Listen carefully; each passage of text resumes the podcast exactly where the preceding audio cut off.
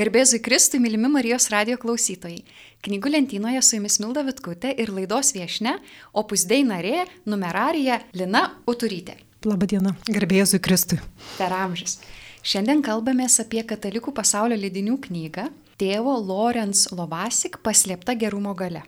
Pradedu nuo prisipažinimo kad aš šitos knygos neperskaičiau, aš jos nesugebėjau perskaityti.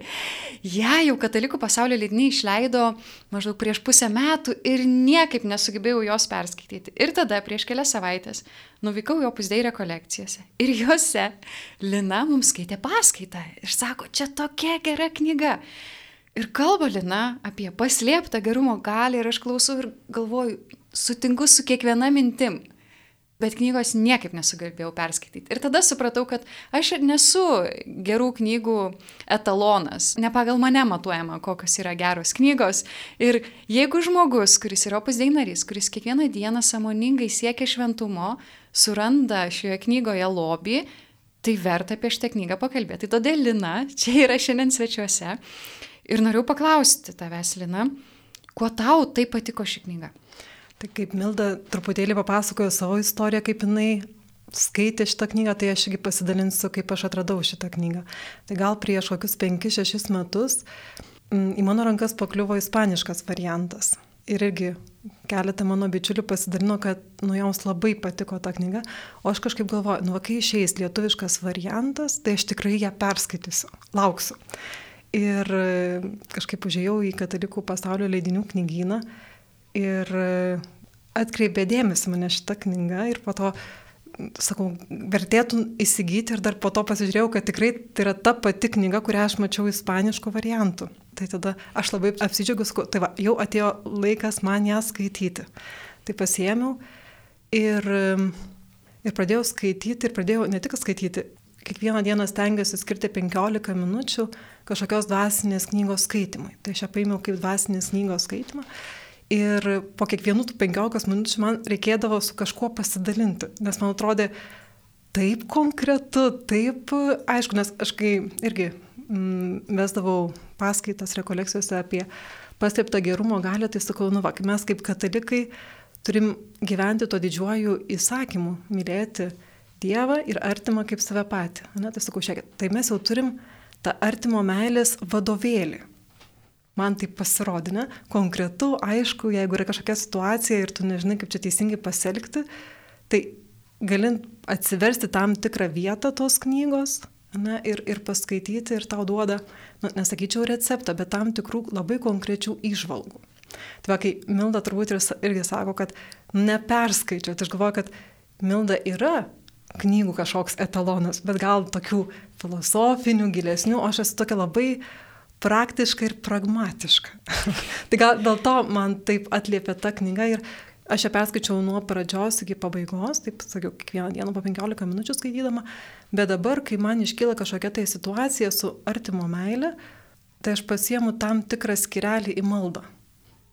Pagal tą skirelį pasikalbu, nu, su Dievu, ne, kaip čia, to konkrečioje situacijoje, ne, nusižengiau už tai artimo meilį, galėjau kažkaip kitaip geriau padaryti, Tai paskutinis gal toks, su pavyzdžiais kalbant, kartais mums būna, ne, supykstame dėl, dėl to, kad dėl kažkokio neteisingumo, negero elgesio arba mums permestų darbų, tai aš supikau ir sakiau, nu palauk, palauk, stop.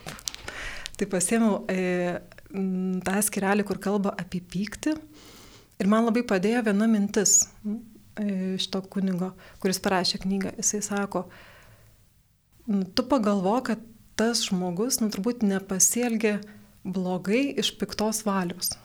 Gal buvo kažkoks nesusipratimas. Aš galvoju, nu tikrai, taigi specialiai nedarė žmogus to dalyko. Ir nu kažkaip labai man paprastai viskas susidėliojo ir pasibaigė tas pyktis. Tai grįžtant prie knygos struktūros, gal reikėtų truputį papasakoti, kaip jie atrodo. Kodėl man stringa tokios knygos, tai yra tokio pabudžios knygos, nes jos yra puikiai sustruktūruotos ir skirtos skaityti po truputuką ir sakoma yra taip, taip, taip ir taip ir anaip. O man reikia, kodėl, iš kur tai kyla, kokios čia prielaidos, kur tai nuves. Ir tai yra iš tikrųjų labai konkreti knyga, kaip galėtume sakyti, trumpos tokios injekcijos, trumpos dozės apmąstymai, kasdieniam apmąstymai. Tai pavyzdžiui, pirma knygos dalis vadinasi Ugdykite teigiamą požiūrį. Ir tada yra daug trumpų skiriukų. Pavyzdžiui, gerumas yra užkrečiamas. Per drausmę valdykite savo jūslės ir aistras. Venkite netikro linksmumo. Arba džiugesys remiasi viltimi. Ir šita kiekviena dalelė yra taip maždaug puslapio ilgio. Antra dalis. Mokykitės maloniai kalbėti. Bėgame į trečią dalį. Rodykite savo meilę gerais darbais. Tai iš tikrųjų ši knyga, kaip tu sakai, Lina, yra tokia tiesiai šviesiai taikinį, trumpai ir aiškiai. Taip. Kadangi aš jau klausiau tokia, galėčiau sakyti, santrauką šios knygos per rekolekcijas, tai norėčiau ir tavęs, Lina, paprašyti, truputį papasakoti mūsų klausytojams, kas tau asmeniškai prakalbėjo, kokius principus tu iš šios knygos išsineši ir tau atrodė, kad apie šitai svarbu išgirsti kitiem. Tai pirmas turbūt toks atskaitos kaip taškas, kaip aš jau anksčiau minėjau, yra suprasti, kad mes visi kviečiami mylėti tą artimą, kaip Jėzus myli. Ne, kad nu, mums iškelta labai aukšta meilės kartelė. Ir tada klausimas, tai kaip mes galim pasiekti, ne, kaip mes galim aukti toj konkrečioj artimo meilė, ne, savo šeimos nariui, savo draugams, savo kolegoms, apskritai visiems žmonėms kaip mokytis mylėti? Toks būtų klausimas. Ir kitas klausimas, kaip mylėti tuos, kuriuos sunkiausia mylėti, nes Jėzus Evangelijoje kalba, kad mes turim ne tik mylėti mūsų artimus žmonės, bet net ir mūsų priešus. Ne? Ir šitas kunigas Lorenz Lovasik, Milda labai gerai pasakė, skirsto tą knygą į tris dalis. Nes mūsų meilę galime sukonkretinti tokiais trim aspektais. Tai pirmas aspektas būtų mūsų e, mintis ir mūsų vidinis nusistatymas į kitą žmogų. Ir tos mintis ar nusistatymas vėlgi išskaidomas į keturias rytis. Tai dabar jau, man atrodo, visi galėsime identifikuoti, nes visi patirime tuos dalykus. Ne? Pirmas rytis tai kaip mes teisime arba neteisime žmonių. Ne? Tai artimo meilė pasireiškia Ar mes gebame neteisti kitų žmonių, priimti juos tokius, kokie jie yra. E, ir tas vat, būtent teisimas, griežtas teisimas yra labai didelė kliūtis mūsų meiliai ir mūsų gerumui, nu, nes knyga vadinasi paslėpta gerumo gale. Toliau, kalbant apie mintis ir nuostatas, mylėti reiškia atsispirti godumui. Godumas atsiranda, kai mes pajaučiame, kad mes neturime to, ką turi kiti. Tai pradedame kažkaip savintis arba gali kilti tam tikras pavydas. Trečia nuostata priešinga meilė yra pyktis. Ir dėl to šitas kunigas kalba, kaip mes galime suvaldyti pyktį, kaip aš jau jums minėjau, pateikdama savo asmenį pavyzdį. Ir ketvirtas, kad mes, mums sunku elgtis gerai ir maloniai su žmonėmis, kurie mums kelia antipatiją. Tai reiškia, jie mums nieko blogo nepadarė, bet kažkodėl mes jaučiame kažkokį priešiškumą.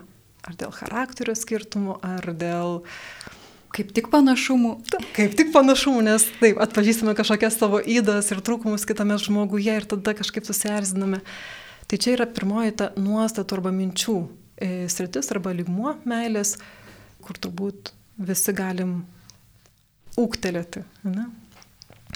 Tada antra dalis knygos kalba apie būtent meilę gerai žodžiais. Tai tenais e, tas kunigas kalba apie tai, kaip turime vengti apkalbų ir kaip gebėti kitus padrasinti savo žodžiais. Na, tai, pavyzdžiui, irgi labai konkretus dalykas, apie kurį kalba, kaip svarbu, kai susipažįstam su žmonėmis, įsiminti jų vardus, nes vardas kalba apie asmenį ir žmogus jaučiasi svarbus, kai jį kreipiamasi vardu. Ir kartais mes ypač jeigu esame kažkokia naujoj erdvėj, nesistengiame, ne, prieiti, paklausti vardo, pasistengti prisiminti, kad antrą kartą prieėjus nesakytumėm eitu, ne, mažas dalykas, bet jis irgi parodo mūsų meilę kitam žmogui. Šitoje vietoje labai noriu įsiterpti tų rekolekcijų metu, apie kurias ir kalbėjom pradžioje laidos. Mes kalbėjome su viena mergina, jinai tiksliau mums pasakojo apie tai, kuo skiriasi krikščioniškas tikėjimas nuo rytietiškų tikėjimų, nuo įvairių New Age praktikų ir jinai labai pabrėžė, kad krikščionių tikėjime Dievas tave pažįsta vardu Ir jai tai buvo toks svarbus dalykas, išėjus iš šitų įvairių praktikų, rytietiškų, kad ten tikslas yra išnykti, manęs nėra, aš susilieju, įsilieju, o šis Dievas, mūsų Dievas, jis mane kviečia vardu. Ir jeigu meilė, artimo meilė yra dieviška meilė, taip mylėti kaip Dievas, tai kita pastebėti, prisiminti, atpažinti vardu yra dieviškos meilės požymis. Būtent. Taip. Čia mes greitai bėgam, bet mm, trečia e, ta meilės išraiška, aišku, yra geri darbai. Ir jau mm, šis kunigas parašęs knygą kalba apie tai, kokį pavyzdį mes rodom kitiems, ne, tai priskiriama prie gerų darbų ir po to visi mūsų gailestingumo darbai, tie gailestingumo darbai sielai, tie gailestingumo darbai kūnui. Mhm. Tai čia taip labai suglaustai, bet aišku, knygos autorius labai gražiai įskleidžia ir gana gausiai su konkrečiais pavyzdžiais aprašo mhm, kiekvieną iš šitų meilės apraiškų. Lina, ar galėtum pasakyti pavyzdžiui vieną dalyką, kuris tau prakalbėjo iš trečiosios dalies, iš meilės darbų? Tai man turbūt labiausiai prakalbėjo tas pavyzdys, kaip svarbu rodyti gerą pavyzdį kitiems.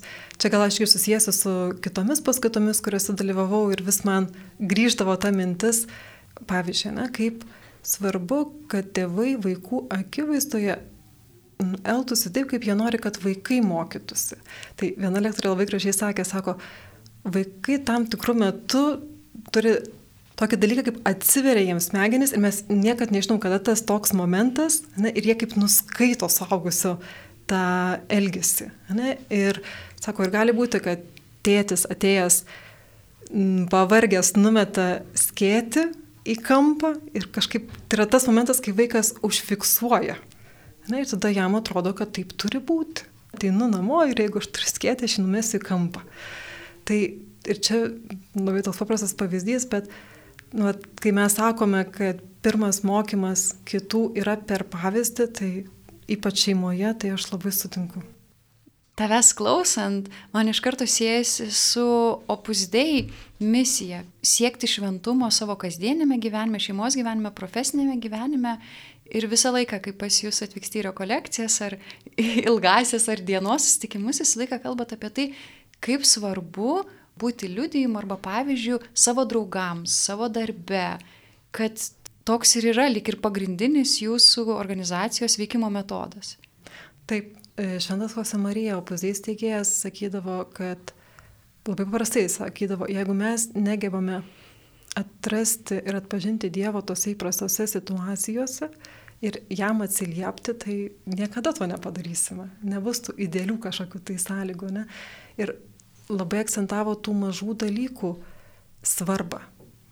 Man atrodo, ir ne tik Šventos Marija, ir e, Šventoji Teresė, pavyzdžiui, iš Kalkutos sakydavo, svarbiausia ne ką darome, svarbiausia, kiek meilės įdedam į tuos darbus, kuriuos darome. Ne, ir tame yra mūsų šventumas, kiek meilės Dievui ne, įdedame į tuos darbus, kuriuos darome. Ir kaip sakė Jėzus per palyginimą, mano ištikimasis tarne, kadangi buvai ištikimas mažose dalykuose, ar ne, tai dabar tau pavedu didelius. Taip. Norėčiau dar sugrįžti, pakalbėti apie knygos autorių. Taigi mes žinom, kad jis yra kunigas, gimęs 20 amžiaus pradžioje, išgyveno gana ilgai, iki 1986 metų. Ir mes žinom, kad jis buvo taip pat seminarijos ugdytojas žmogus, kuris rašė iš patirties. Ir Lina prieš laidą dalinosi, kad jisai iš tikrųjų turėjo labai konkrečių praktikų, iš kurių ir gimė ši knyga. Tai kokios tos konkrečios praktikos, kokia čia konkreti veikla? Kiek aš e, girdėjau, šitas kunigas yra Slovakas, bet e, gimęs ir augęs Amerikoje. Ir tą knygą parašė išklausęs labai daug išpažinčių. Na, tai ta knyga yra grinai toks praktikos vadovas, ne tai, ką jisai girdėjo e, per tas išpažintis, visas tas situacijas ar, ar reagavimo būdus, jisai sudėjo šitą knygą. Ir mes žinom, kad jis buvo seminaristų ugdytojas ir iš tikrųjų, skaitant knygą ar net žiūrint į struktūrą, matosi, kad žmogus kalba iš patirties ir kartu labai struktūruotai. Kaip pedagogas geras, ne? Mes kalbėjom apie knygos autorių, kad jis pats buvo kunigas ir knygą parašė pats klausydamas iš pažinčių ir palydėdamas žmonės dvasiniai kelioniai, Lina, tu irgi atlieki panašią misiją bažnyčiai. Kuo tau vertinga ši knyga? Kartais, kai žmonės ateina su labai konkrečiom situacijom, gali trūkti tos patirties. Ne dėl to, kad na, aš neperėjau per visą amplitudę įvairių situacijų, santykių. Tai kartais, kai žmonės prašo kažkokio patarimo, man šita knyga irgi labai pagelbsti. Tai gal negaliu iš karto atsakyti arba paprasčiausiai duodu pasiskaityti ir sakau, tu pasimelsk šitą temą ir, ir rasi atsakymą. Tai tai irgi žmonėms labai padeda. Man tai dar intriguoja toks vienas dalykas. Knyga vadinasi Paslėpta gerumo gale. Ir galvoju, taigi gėris, na, gerumas. Taigi čia akivaizdžiai toks geras dalykas. Net kaip sunku pasakyti gerumas geras. Gėris yra etalonas, pagal kurį mes vertinam visą kitą, kaip koks Aristotelis apibrėžia, kas yra gėris, tai yra tai, ko mes visi siekiame. Tai turėtų būti kažkaip akivaizdi gerumo gale. Tai kodėl knyga vadinasi paslėpta gerumo gale? Geras klausimas. Aš tik galiu spėlioti, kodėl autorius pavadino taip šitą knygą, bet aš galvoju, man pirma mintis, kuri ateina, kad gerumo nereikia afišuoti. Ne, gerumą kažkaip mes jaučiame. Ar žmogaus gerumą, ar darbo tą gerumą. Mes jį atpažįstame kaip ir tiesą, ne, kaip, ir, kaip ir grožį. Ne. Sako, nereikia jo per daug parodyti, įrodyti, nes jis ir taip kažkaip pajaučiamas, pamatomas. Tai gal, kai žmogus geras, tu pajauti tai. Šventųjų nėra čia žemėje, bet kovojančių yra. Ne? Tai kai žmogus stengiasi, kovoja, jis iš karto nemato, pavyzdžiui, to rezultato. Ne? Kartais, sakoma, ne, mes tiek bandom, e, stengiamės ir jokio rezultato, nes ugdi, kai ugdausi, tas rezultatas ateina labai pamažu. Ne? Tai jis labai paslėptas. Ne, kartais mums patinka iš karto matyti rezultatą, ypač mūsų kultūroje, ne, e, turi tikslą, tada iš karto, kai matau rezultatą, jeigu ne, nusimenu. Tai galvoju, irgi išmokti mylėti čia turbūt viso gyvenimo uždavinys. Paslėpta, tai va, kad ne, nesiafišuojant, bet irgi, nu, va, kad jinai keičia, turi gali keisti tas gerumas. Nežinau, ką pati manai primenu, kad knygos aš nesugebėjau perskaityti, tai irgi šaudau dabar taip tuščiai šoviniais. Aš tik galvojau, kad ta paslėpta gerumo gale galėtų reikšti, galbūt galėtų reikšti, jog mums atrodo, kad jeigu tu būsi geras, malonus, švelnus, tai rezultatų nepasieks. Reikia konkrečiai eiti, padaryti labai konkretų veiksmą, čia viskas aišku, su tanku praeini, pravažiuoji, išlygini kelius tiesiai, šviesiai, konkrečiai. Va, reikia veiksmingai eiti ir tas veiksmingumas iškart duos labai gerus rezultatus ir konkrečiai eini ir grėbi jauti žragų. O šioje knygoje autorius nuolatos pabrėžia, kad, palauk, dabar pakeiskime nuostatą, paimkime štai šitai mažas žingsnelis, pradėkime nuo to Tai mes turbūt lyg ir žinom, nu gėris, čia visi siekiame jo šventumas, labai čia viskas gerai, bet galbūt mums sunku pasitikėti, kad iš tikrųjų mano vidinė nuostata, mano vidinis pasikeitimas, mano paties meilė kitam gali turėti tokį stiprų pokytį.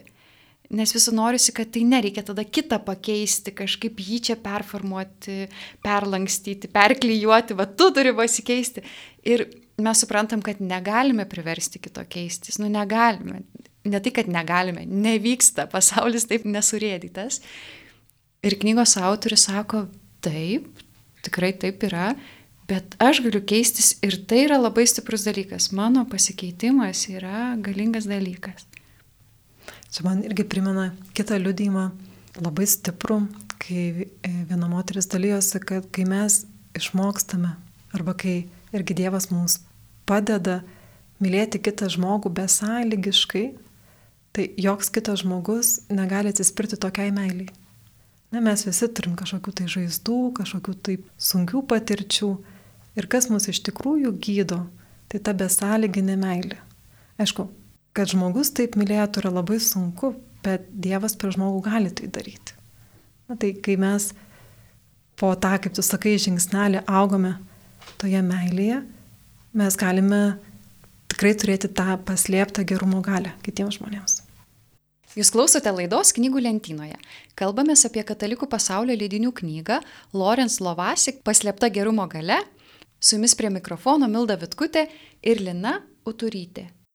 Knygos autorius pasitelkia įvairių pavyzdžių, įvairių šventųjų, apmąstymų, citatų ir, pavyzdžiui, man labiausiai patikusi vieta buvo šventojo Džono Hendrio Newmano džentelmeno apibrėžimas. Ar galėtum truputį praplėsti, ką čia norėjo autorius pasakyti, jį pateikdamas? Autorius kaip pasiskolina iš kardinolo šventojo Jono Henrigo Newmano džentelmeniškumo tokį apibrėžimą ir jį išskleidžia. Ne? Tai jisai sako, džentelmenas yra tas, kuris nesukelia skausmo. Čia yra Švento Jono Henriko kaip apibrėžimas. Ir po to autorius sako, va, kada mes nesuteikiam kitam skausmo, ne, kokios tai situacijos. Sako, džentelmenas su atidumu žvelgia į tuos, su kuriais bendrauja. Jis švelnus su droveisiais, mandagus su santūreisiais ir palankus tiems, kurių nėra šalia. Jis stengiasi nekalbėti apie tuos dalykus, kurie gali suerzinti ar įžeisti ir retai būna įkyrus. Džentelmenas nesureikšmina savo privalumų, niekada nekalba apie save, nebent yra priverstas tai daryti. Jis niekada nesigina karštai atsikirstamas, nemėgsta apkalbų ir stengiasi nepriskirti klaidingų sumetimų tiems, kurie jį trikdo. Jei tik įmanoma, jis viską stengiasi interpretuoti teigiamą linkme, o jeigu ne, tuomet tyli labai konkretu, ne? Tu sakai, čia aš galiu paimti kiekvieną teiginį ir kaip sąžinės patikrinimas ir, ir, ir rasiu tiek daug vietų, kur galiu aukti ir kelti savo mažus tikslus toje meilėje, kad ir čia tik tai viena pastraipa iš, nežinau, kokių 200 puslapių. Tai čia turbūt gal ir svarbu klausytojam žinoti prieš paimant į ranką šią knygą, kad yra koncentratas. Tai nėra knyga, kur tu paimi ir jie tiesiog vienu prisėdimu perskaitai. Būtent. Skaitai po skirelį ir nebereikalo jie tokie trumpi, toks ir užmanimas, matyti, skaityti iš lėto. Taip. Ir va, kaip turėjai tą įspūdį, kad sunku skaityti, tai man gal pačioj pačioj pabaigoje atsirado, gal dėl to, kad irgi tam tikros mintis kartojasi, bet vis tiek aš į galvo perskaičiau ir sakiau, vis tiek dabar aš turiu bendrą vaizdą. Ir gal kai pradėjau skaityti, pirma mintis, kuri mane labai užkabino, kai jis pradėjo kalbėti apie tai, ką reiškia būti paslaugiam. Nežinau, gal irgi tuo metu man buvo svarbi ta tema ir jis sako, ne tik, kad daryti paslaugas kitiems žmonėms, pavyzdžiui, kai jie paprašo, bet pamatyti kitų poreikius. Ne, tai būti tokiam labai pastabiam žmogui, ne, tokiam labai jautriam kito poreikiams. Tai ta mintis ir tada jau tikrai mane taip įtraukė, kad pradėjau dalintis. Ir čia galim susijęti su ką tik skaitytų džentelmeno apibrėžimo praplėtimu, kad tu esi pastabus kitam žmogui. Nepraeini pro jį kaip pro daiktą, bet iš tikrųjų, kaip asmeniškai vardu jį kreipdamasis, pastebi, ko jam reikia šiuo metu. Būtent. Gerai, kokia būtų tau labiausiai strigusi vieta? Gal yra pora vietų, bet kažkaip labiausiai, kurią vietą aš cituodavau arba dalindavausi su žmonėmis, tai buvo susijęs su susierzinimu. Nes, kaip sako pats autorius, tai yra tam tikra pykčio forma. Na, o kiek dalykų mus erzina? Aišku, dažnai dėl to, kad esam pavargę, neįsimiegoję, patyrę kažkokią nesėkmę. Tai kažkaip man labai patiktų pasidalinti irgi, ką sako autorius apie susierzinimą. Irzlumas yra charakterio įda. Sako, kai jūs leidžiate savo būti nemalonus, atžarus ir blogo ūpo tik todėl, kad gerai nesijaučiate. Ne, kaip dažnai kitas neturi jokios kalties, paprasčiausiai man negerai viduje, tai tada tą negerumą kažkaip aš išlieju ant kitų. Tai tas toks samoningumas, pirmiausia, pasitikrinti, kiek tas šalia esantis žmogus kaltas dėl tos situacijos, ar, ar čia man kažkas blogai, ne, dažniausiai man kažkas blogai. Sako, šie bruožai pasireiškia net tada, kai kiti jums nesako ir nedaro nieko įžeidžiamo. Būdami irslus savo silpnumą melangingai teisinate daugybę priežasčių. Tvirtinate, kad jūsų irslumą sukėlė pairę nervai, aukštas ar žemas kraujospūdis, nemiga, prastas virškinimas, rūpešiai ar užgulusi atsakomybė. Visi šie pasiteisinimai paprastai nėra teisingi. Irzlumas, sako autorius, tai savikontrolės trūkumas, nesugebėjimas palengti savo jausmų artimo meilės reikalavimams. Ir toliau sako, kad tai yra charakterio įda ir nebrandumas. Ir kai aš perskaičiau, sakiau, nu ne, aš tai noriu būti brandi. tai gal irgi toks sportiškas nusiteikimas. Ir tikrai, kai pagaunu, kad e, susierzinus ir čia greitai pasakysiu kokį nors nelabai malonų e, žodį, galvoju, na tikrai, kad ta artimo meilė yra svarbesnė negu mano jausmai. Jie irgi svarbus ir jie man kažką sako, bet galbūt būdas, kaip aš galiu juos išreikšti, nebūtinai susiersinimas, ne, nebūtinai supikimas ne, ant kito žmogaus. Ir nežinau, ar, ar esi mačius, bet man labai patinka toks trumpametražinis filmukas, kai eina mergina ir matosi, kad pikta, nes nešas tokį juodą kamuliuką ir gatvėje sutinka kitą žmogų, kaip atsitrenkia į jį, ne, ir, ir jisai nu, labai piktai jį sureaguoja. Ir atrodo, kad tą kamuliuką perdoda kitam. Ir jis taip nešasi tą kamuliuką, ne, kol apeina ten visą ratą. Ir kaip skirtingai, kai vietoj to juodo kamuliuko, to pikto e, jausmo nešasi kažkokia tai geltoną kamuliuką, ne, kažkokią šypseną arba gerą nuotaiką ir, ir tai yra užkrečiama, mes kažkaip vienas kitą labai užkrečiame. Šventas Marija sakydavo, kad mums labai reikia aplinkui besišypsančių veidų. Ne? Nes ir tai yra artimo meilė. Aš pati prisimenu tokias patirtis, kai koks nors labai sudėtingas gyvenimo momentas, esu tokia jautri, atrodo vaikštau be odos, bet koks prisilietimas, nebūtinai kažkoks agresyvus, ypatingai piktas, bet jis labai skaudina. Ir jeigu dar tokią dieną kas nors praeidamas užkabina pečiu ir dar apriekia mane pats užgavinęs pečiu, atrodo parklubdo, tuščioj vietoj, lygioj vietoj, nieko nevyko ir tokiom dienom, kai taip norisi švelnumo, atidumo, šitas veiksmas tiesiog gali nužudyti. Tai aišku, čia aš per jautri, čia aš pavargusi, ne, ne tas žmogus, jis čia nežinau, su basliu mane trenkė per galvą, bet tą labai svarbu suprasti, nu, mums beveik visiems, visiems, gal ne kiekvieną dieną, bet visiems labai reikia švelnumo, mes tokie grubus. Turbūt ne, nebereikalo popiežius Pranciškus labai daug kalba apie švelnumo poreikį kiekvienam iš mūsų ne, ir akcentuoja labai tą švelnumą. Ir aš tai esu tokia, kur iš vienos pusės sakau, va, kaip reikia švelnumo, iš kitos pusės, bet negalima būti per švelniam, negalima nuleisti moralės standartų, čia nerelativizuokit, jeigu čia visus užjausit, tai paskiau, tai ką čia nėra nieko teisingo ir gero, nu žodžiu. Tai aš galvoju, kad gal irgi yra tokių klausytų, kurie čia kalba, sėdi čia dvi mergelės, kaip čia gerai reikia būti švelniam, nerizliam, maloniam, meiliam, bet kartai žmonės blogą daro ir reikia juos sustabdyti.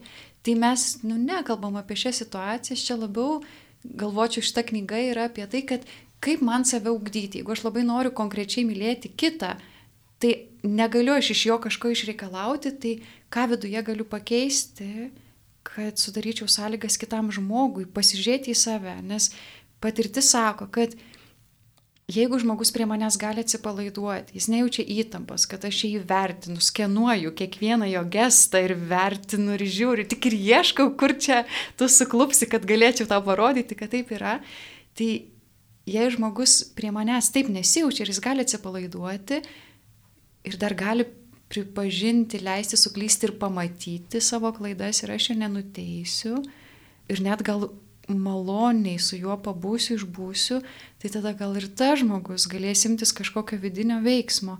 Nes turbūt problema ta, kad mums visiems reikia turėti žmogų šalia, prie kurio mes galėtume klysti ir nebūtume patys savo pasidarę problemų dar ir kito panardinami vis giliau. Čia kažkaip, kai pradėjai kalbėti, aš prisiminiau, kad šioje knygoje autorius taip pat kalba, kaip turėtumėm kitus pataisyti. Taip. Nes tas broliškas pataisimas irgi turi evangelinę šaknį. Ne, Jėzus irgi mus mokė taisyti, kitus tik reikia mokėti tai daryti su meilė. Ne vienas dalykas, kai tu sakai, noriu tave prigauti, O kitas dalykas, noriu, kad e, tu būtum geresnis. Ne? Ir, ir irgi e, tas pataisimas, jis labai turi būti padarytas iš meilės. Ne? Tai aš irgi labai rekomenduoju šitą skrelį iš tos knygos. Taip įdomus dalykas tas broliškas pataisimas. Aš irgi esu ta, kuri afišuoju tiesa, meilė tiesoje, ne, labai svarbu čia šitie du aspektai. Bet irgi patirtis sako, kad jeigu aš pradedu taisyti žmogų, kuris man nerūpi, dar labiau pablogėja. Ir čia turbūt yra tas kriterijus, nes man dabar tai yra kriterijus. Jeigu aš noriu kažkam kažką paaiškinti, bet mane žmogus erzina, šiaip jis man nelabai patinka, aš neturiu gerų intencijų atžvilgių, tai mano pataisimas tik dar išėbė didesnį konfliktą. Tai man tai yra kriterijus. Jeigu man šis žmogus nerūpi, aš to nedarau. Jeigu aš neturiu geros intencijos to žmogaus atžvilgių, tai aš ir neturiu teisės jo pataisyti, nes tada bus žiaurus parklubdimas. Galbūt yra situacijų, kai tu esi policininkas ir nereikia tau ten ieškoti gerų intencijų, bet čia yra broliškasis pataisimas. Tai man atrodo šis aspektas labai svarbus. Taip, aišku, pataisimas turi linkėti kažkokio tai gėrio. Ne mano gėrio, to žmogaus gėrio. Tai jeigu aš to gėrio nenoriu, aš ir taisyti negaliu. Bet jeigu aš ne, negaliu, arba pavyzdžiui, nedrįstu taisyti, aš irgi negaliu apkalbėti. Arba negaliu teisyti to žmogaus. Galiu įvardinti kažkokį kito žmogaus įdą, jeigu gebu, su meilė po to jam į akis tai pasakyti. Nes kitaip būna apkalbos. Ir tas apkalbų aspektas toks sudėtingas dalykas, atrodo tokia slidi riba. Tai kaip žinoti, kada aš tiesiog aptarinėjau situaciją, kada apkalbu? Tai vienas irgi, nežinau, ar patarimas, ar turbūt patarimas. Sako, jeigu aš žmogui galėčiau pasakyti tą patį, ką sakau savo kitam kolegai ar draugui. Apie jį? Apie jį, tai tada tai nėra kaip apkalba. Tačiau, jeigu tas žmogus išgirstų, ką aš apie jį kalbu ir jis būtų patenkintas, tai gal aš galiu taip kalbėti. Ar galėtume pridėti, kad jeigu aš tiesiai sakydamas tam žmogui akis tai, ką apie jį sakau kitam, jaučiausi pats ramus, taip. tai čia yra kriterijus. Ar aš apkalbu, ar tiesiog papasakoju situaciją. Taip. Aišku, irgi kartais yra dalykų, kur mes turim pasakyti, nežinau, gal mokytojai tėvams apie jų vaiką kažką, nu, čia kita situacija turbūt, e, bet e, kaip, kaip skaitėm apie tą džentelmeniškumą, jeigu negaliu pasakyti kažką gero, geriau aš turėčiau patilėti. Koks konkretus ir koks, sakyčiau, verintis standartas, labai sunku įtaikyti. Bet ką daryti? Aš ir norėčiau, kad ir mano atžvilgiu tokį standartą žmonės taikytų. Laidai einant į pabaigą. Lina, kam rekomenduotum šią knygą? Aš manau, kad ši knyga tiktų kiekvienam, kuris nori išmokti mylėti geriau. Aš manau, kad visi.